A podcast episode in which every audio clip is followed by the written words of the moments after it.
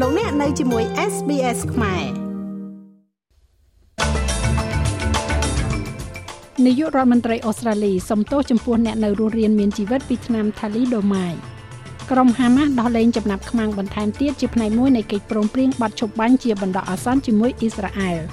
រដ្ឋាភិបាលអូស្ត្រាលីកំពុងបង្កើតច្បាប់អនុញ្ញាតឲ្យមានការឃុំខ្លួនអ្នកជាប់ឃុំបន្តប្រវេសន៍ដែលត្រូវបានផ្ដន្ទាទោសពីបទឧក្រិដ្ឋឡើងវិញ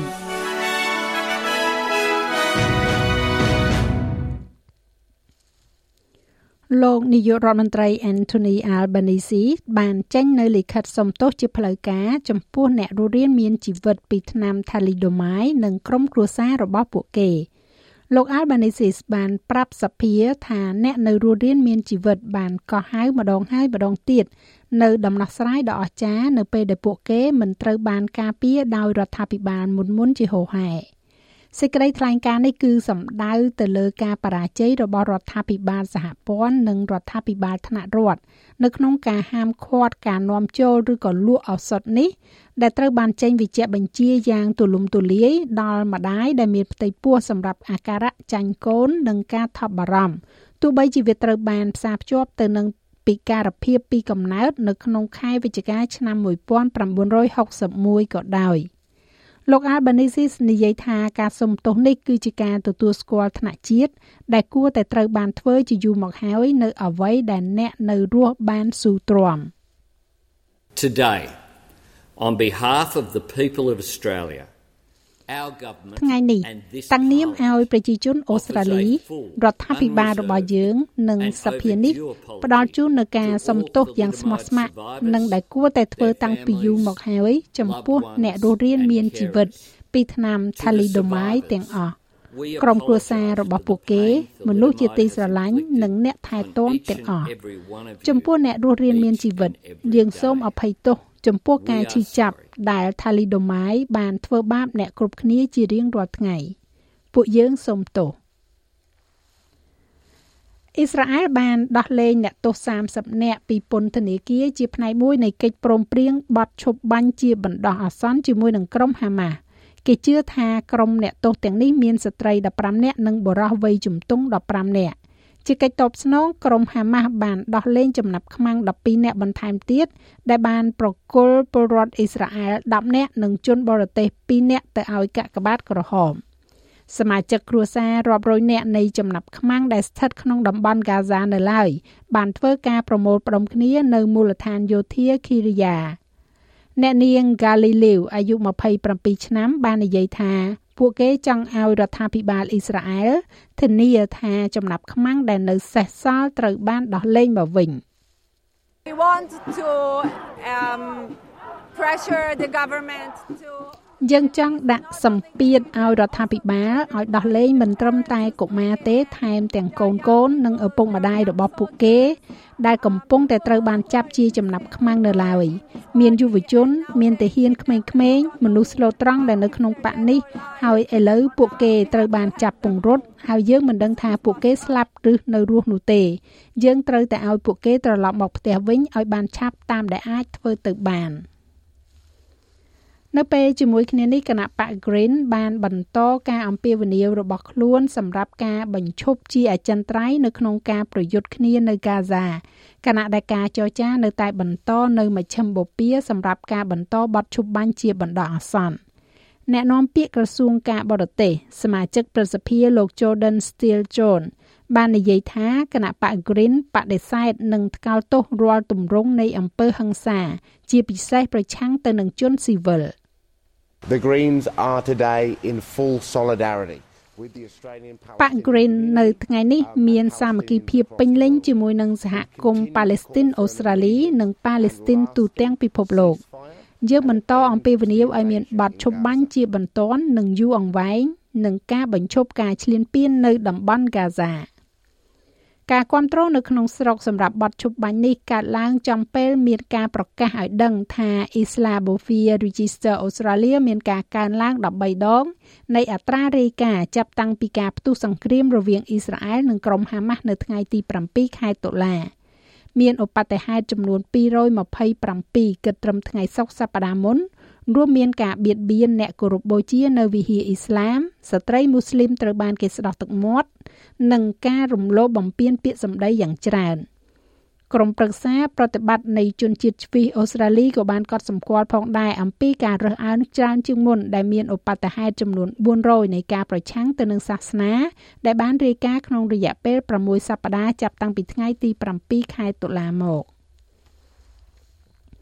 ប្រទេសអូស្ត្រាលីកំពុងតែផ្លាស់ប្ដូរដើម្បីបង្កើតនៅរបបឃុំឃាំងការពារទុកជាមុនកាន់តែតឹងរឹងជាងមុនបន្ទាប់ពីបាត់ខ្លួនជនស្វែងសុំសិទ្ធិជ្រកកោនម្នាក់ដែលត្រូវបានដោះលែងហើយមិនព្រមពាក់ឧបករណ៍តាមដានរដ្ឋមន្ត្រីក្រសួងមហាផ្ទៃលោកស្រី Claire O'Neil មានប្រសាសន៍ថារដ្ឋាភិបាលរបស់លោក Albanese កំពុងធ្វើការលើច្បាប់ ដើម្បីអនុញ្ញាតឲ្យមានការឃុំខ្លួនអ្នកជាប់ឃុំដែលត្រូវបានផ្ដន្ទាទោសពីបទឧក្រិដ្ឋឡើងវិញបន្ទាប់ពីពួកគេត្រូវបានបង្ខំឲ្យដោះលែងនៅពេលដែលតុលាការកំពូលបានសម្រេចថា ការឃុំខ្លួនដោយគ្មានកំណត់គឺជារឿងខុសច្បាប់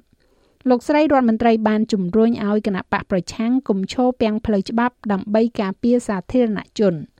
ប៉ុន្តែអនុប្រធានគណៈបក Liberal លោកស្រី Susan Lee មានប្រសាសន៍ថាបញ្ហានេះមិនមែនជាទូនាទីរបស់បកសម្ព័ន្ធទេប៉ុន្តែជាការគ្រប់គ្រងមិនបានល្អរបស់រដ្ឋាភិបាលចំពោះស្ថានភាពទាំងមូល។ Dan Tehan and James Patterson, Shadow Immigration and Shadow Home Affairs Ministers. លោក Dan Tehan និងលោក James Patterson រដ្ឋមន្ត្រីស្រមាលក្រសួងអន្តោប្រវេសន៍និងរដ្ឋមន្ត្រីស្រមាលក្រសួងមហាផ្ទៃកំពុងធ្វើការតាមរយៈព័ត៌មានលម្អិតនៃរឿងនេះប៉ុន្តែអ្វីដែលយើងតែងតែនិយាយគឺថាយើងត្រូវការរបបឃុំឃាំងការពារទុកជាមុន តុលាការជាន់ខ្ពស់មិនបានជំទាស់នឹងរឿងនោះទេអ្វីដែលជាអកុសលបានកើតឡើងនោះគឺថារដ្ឋាភិបាលអាចនឹងធ្វើការងារនេះតាំងពីប៉ុន្មានសប្តាហ៍មុននេះមកម្លេះឥឡូវនេះរដ្ឋាភិបាលមានតួលេខគ្រប់គ្រាន់ដែលខ្លួនត្រូវការដើម្បីអនុម័តច្បាប់ Murray Darling ដែលខ្លួនបានធ្វើបច្ចុប្បន្នភាពនៅក្នុងព្រឹទ្ធសភាហើយ។ លោក David Pocock បានប្រកាសថាលោកនឹងគ្រប់គ្រងសេចក្តីព្រាងច្បាប់នេះជាថ្នូរទៅនឹងទឹកប្រាក់ចំនួន20លានដុល្លារបន្ថែមទៀតនៅក្នុងការផ្តល់មូលនិធិជាក់លាក់សម្រាប់ទន្លេ Murrumbidgee River និងការសន្យាសម្រាប់ការបញ្ចូលជនជាដើមភាគតិចកាន់តែច្រើន និងមានអត្ថន័យបន្ថែមទៀតទៅក្នុងការគ្រប់គ្រងប្រព័ន្ធនេះ។ សមាជិកប្រសិទ្ធិ Crossband រូបនេះគឺជាសមាជិកប្រសិទ្ធិចុងក្រោយដែលបក Labor ត្រូវការដើម្បីសម្រេចបាននៅការអនុម័តច្បាប់នេះបន្ទាប់ពីគេទទួលបាននៅការគ្រប់គ្រងពីគណៈបក Green រួចមកអ្នកថែរក្សាប្រពៃណី Nunavut គឺលោក Brad Bell បានស្វាគមន៍ការគ្រប់គ្រងរបស់សមាជិកប្រសិទ្ធិដោយលើកឡើងពីសារៈសំខាន់នៃទន្លេនេះចំពោះវប្បធម៌ Murrumbidgee is really significant to us as Ngunnawal people អឺ The Marambigi គឺពិតជាមានសារៈសំខាន់សម្រាប់ពួកយើង ក្នុងនាមជាប្រជាជន Nunavut វាគឺជាផ្នែកមួយនៃដំណើររឿងរបស់យើង ខ្សែចម្រៀងរបស់យើង ហើយវាជាផ្នែកមួយនៃផ្លូវរបស់យើង Maram គឺជាផ្លូវ Biggie គឺជាចៅវាយ មន្ត្រីប៉ូលីសម្នាក់ដែលត្រូវបានចោទប្រកាន់ពីបទប្រើកំភ្លើងឆក់លើលោកស្រី Claire Nolan នៅមណ្ឌលមើលថែទាំចាស់ជរារបស់គាត់ក្នុងទីក្រុង Khuma នៃរដ្ឋ New South Wales នោះត្រូវបានចោទប្រកាន់បន្ថែមមួយកម្រិតទៀតប៉ូលីសរដ្ឋ New South Wales បាននិយាយថាការចោទប្រកាន់បន្ថែមមួយករណីទៀតអំពីឃាតកម្មត្រូវបានដាក់ឡើងប្រឆាំងនឹងមន្ត្រីប៉ូលីសអាយុ53ឆ្នាំរូបនេះ តាមការណែនាំរបស់ប្រធានរដ្ឋអាជ្ញាសាធារណៈសេចក្តីថ្លែងការណ៍របស់ប៉ូលីសមួយនិយាយថាការជូនដំណឹងត្រូវបានផ្ដល់ជូនតំណាងផ្លូវច្បាប់របស់មន្ត្រីរូបនេះនៅព្រឹកថ្ងៃពុធទី29ខែវិច្ឆិកានេះមន្ត្រីរូបនេះនៅតែត្រូវបានគេព្យួរការងារដោយមានប្រាក់ខែហើយនឹងបង្ហាញខ្លួននៅក្នុងតុលាការនៅថ្ងៃទី6ខែធ្នូ។ នៅក្នុងប្រទេសកម្ពុជាវិញរដ្ឋាភិបាលត្រៀមដាក់ឲ្យដំណើរការប្រព័ន្ធ Cambodia e-arrival នៅប៉ុស្តិ៍នគរបាលច្រកទ្វារអាកាសយានដ្ឋានអន្តរជាតិចំនួន2ក្រសួងមហាផ្ទៃកំពុងតែត្រៀមដាក់ឲ្យប្រើប្រាស់នៅប្រព័ន្ធ Cambodia e-arrival នេះនៅអាកាសយានដ្ឋានខេត្តព្រះសីហនុនិងអាកាសយានដ្ឋានអន្តរជាតិភ្នំពេញ។ ប្រព័ន្ធនេះនឹងត្រូវគ្រប់គ្រងដោយអគ្គនាយកដ្ឋានអន្តោប្រវេសន៍នៃក្រសួងមហាផ្ទៃដែលនឹងដើរតួនាទីយ៉ាងសំខាន់ក្នុងការសម្រួលជូនដល់អ្នកដំណើរគ្រប់រូបដែលចូលមកកាន់កម្ពុជាឲ្យទទួលបាននូវភាពងាយស្រួលក្នុងការបំពេញបែបបទទុកជាមុនក្នុងទម្រង់អេឡិចត្រូនិករួមគ្នាតែម្ដងបែបបទទាំងនោះមានដូចជា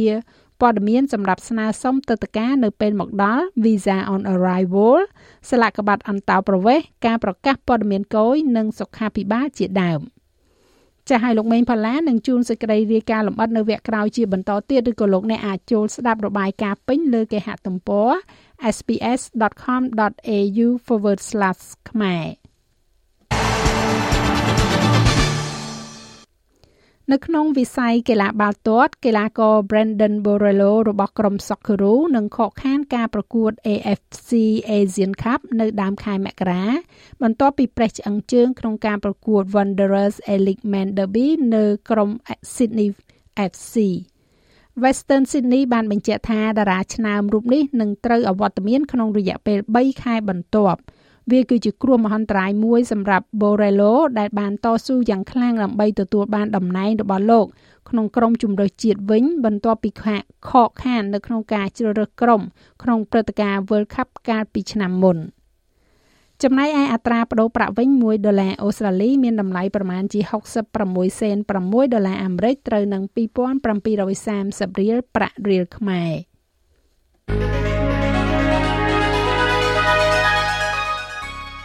យើងក៏លេខមកមើលការព្យាករណ៍អាកាសធាតុសម្រាប់ថ្ងៃប្រហ័សស្អែកនេះវិញទីក្រុងផឺតមានពពកដោយពេល29ស្រដៀងគ្នាដែរនៅអាដាលេដ25មែលប៊នរលឹមបន្តិចបន្តួច19អង្សានៅហូបាតស្រដៀងគ្នានេះ17អង្សា ទីក្រុងខេនបារ៉ាក៏មានរលឹមបន្តិចបន្តួចដែរ23អង្សា ទីក្រុងស៊ីដនីមានពពកដោយពេល28អង្សា នៅ Brisbane បើកថ្ងៃ35អង្សាភាគច្រើនបើកថ្ងៃនៅ Cairns 34អង្សា នៅ Darwin អាចនឹងមានរលឹមឬក៏ព្យុះ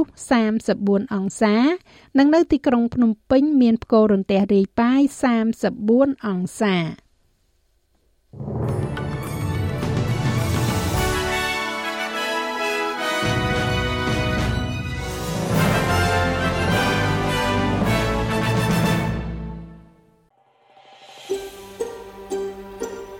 ង់ស្ដាប់រឿងក្រៅបែបនេះបន្ថែមទៀតទេ ស្ដាប់នៅលើ Apple Podcast Google Podcast Spotify ឬកម្មវិធីដទៃទៀតដែលលោកអ្នកមាន។